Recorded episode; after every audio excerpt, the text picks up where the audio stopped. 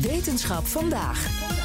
Gooi een appel in de lucht en hij komt in principe naar beneden vallen, hè, met dank aan de zwaartekracht. Maar wat zou er gebeuren als je dit niet met materie, maar met antimaterie zou doen? Nou, wetenschapsredacteur Carlijn Meinders, daar hebben onderzoekers nu dus het antwoord op gevonden, toch?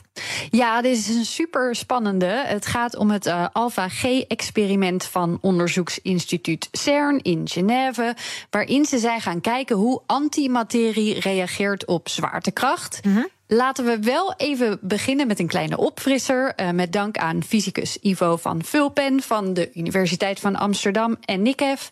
Want wat is antimaterie ook alweer? Ja, ik zou het je niet uit kunnen leggen.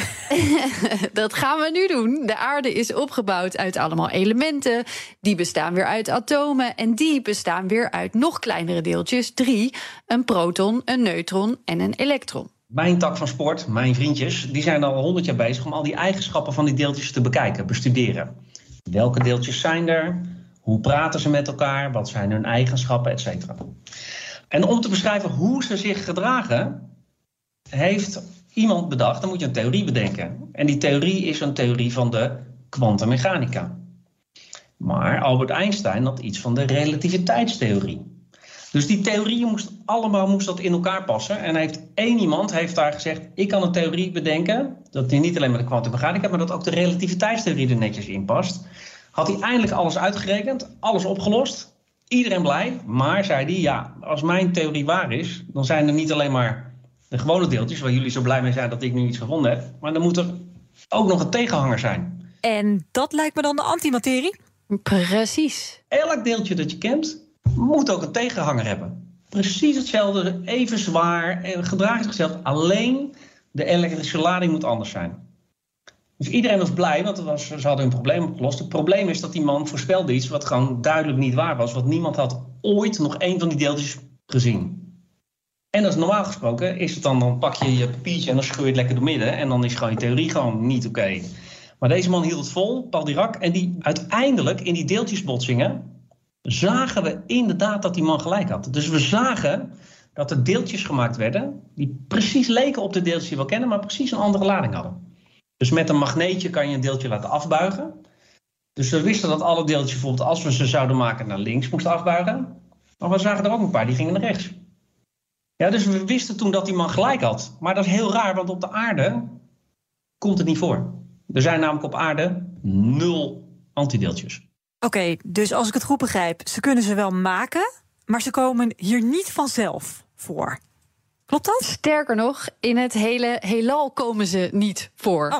En, en dat is eigenlijk best wel logisch, want als zo'n antideeltje op een gewoon deeltje botst, poef, dus als we ons uh, tussen allemaal antimaterie zouden begeven, dan zouden we er zelf niet zijn. Dat is inderdaad maar, echt zo. Ja. Dan is een van de grootste vragen van de natuurkunde: waar is het dan heen? Nou, en dat experiment moest dus een deel uh, eigenlijk van het antwoord gaan formuleren. Toch? Ja, klopt. Uh, dan moeten we meer weten over hoe die deeltjes zich gedragen. Volgens de theorie is dat hetzelfde als gewone deeltjes. Nou, bewijs dat maar eens.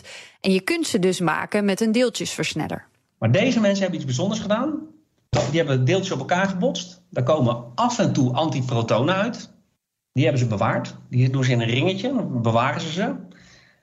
Daarna gaan ze ze afkoelen. Afkoelen betekent ze afremmen. En dan in een soort wolkje bij elkaar houden ze. Met magneetjes. Dat ze niet de rand raken. Want als ze de rand raken, dan ben je ze kwijt.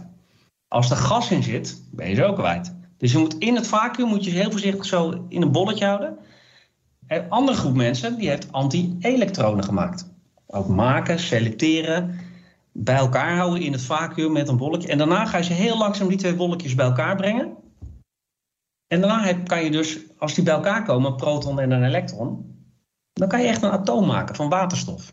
Oké, en dan krijg je dus een, een anti-waterstofatoom.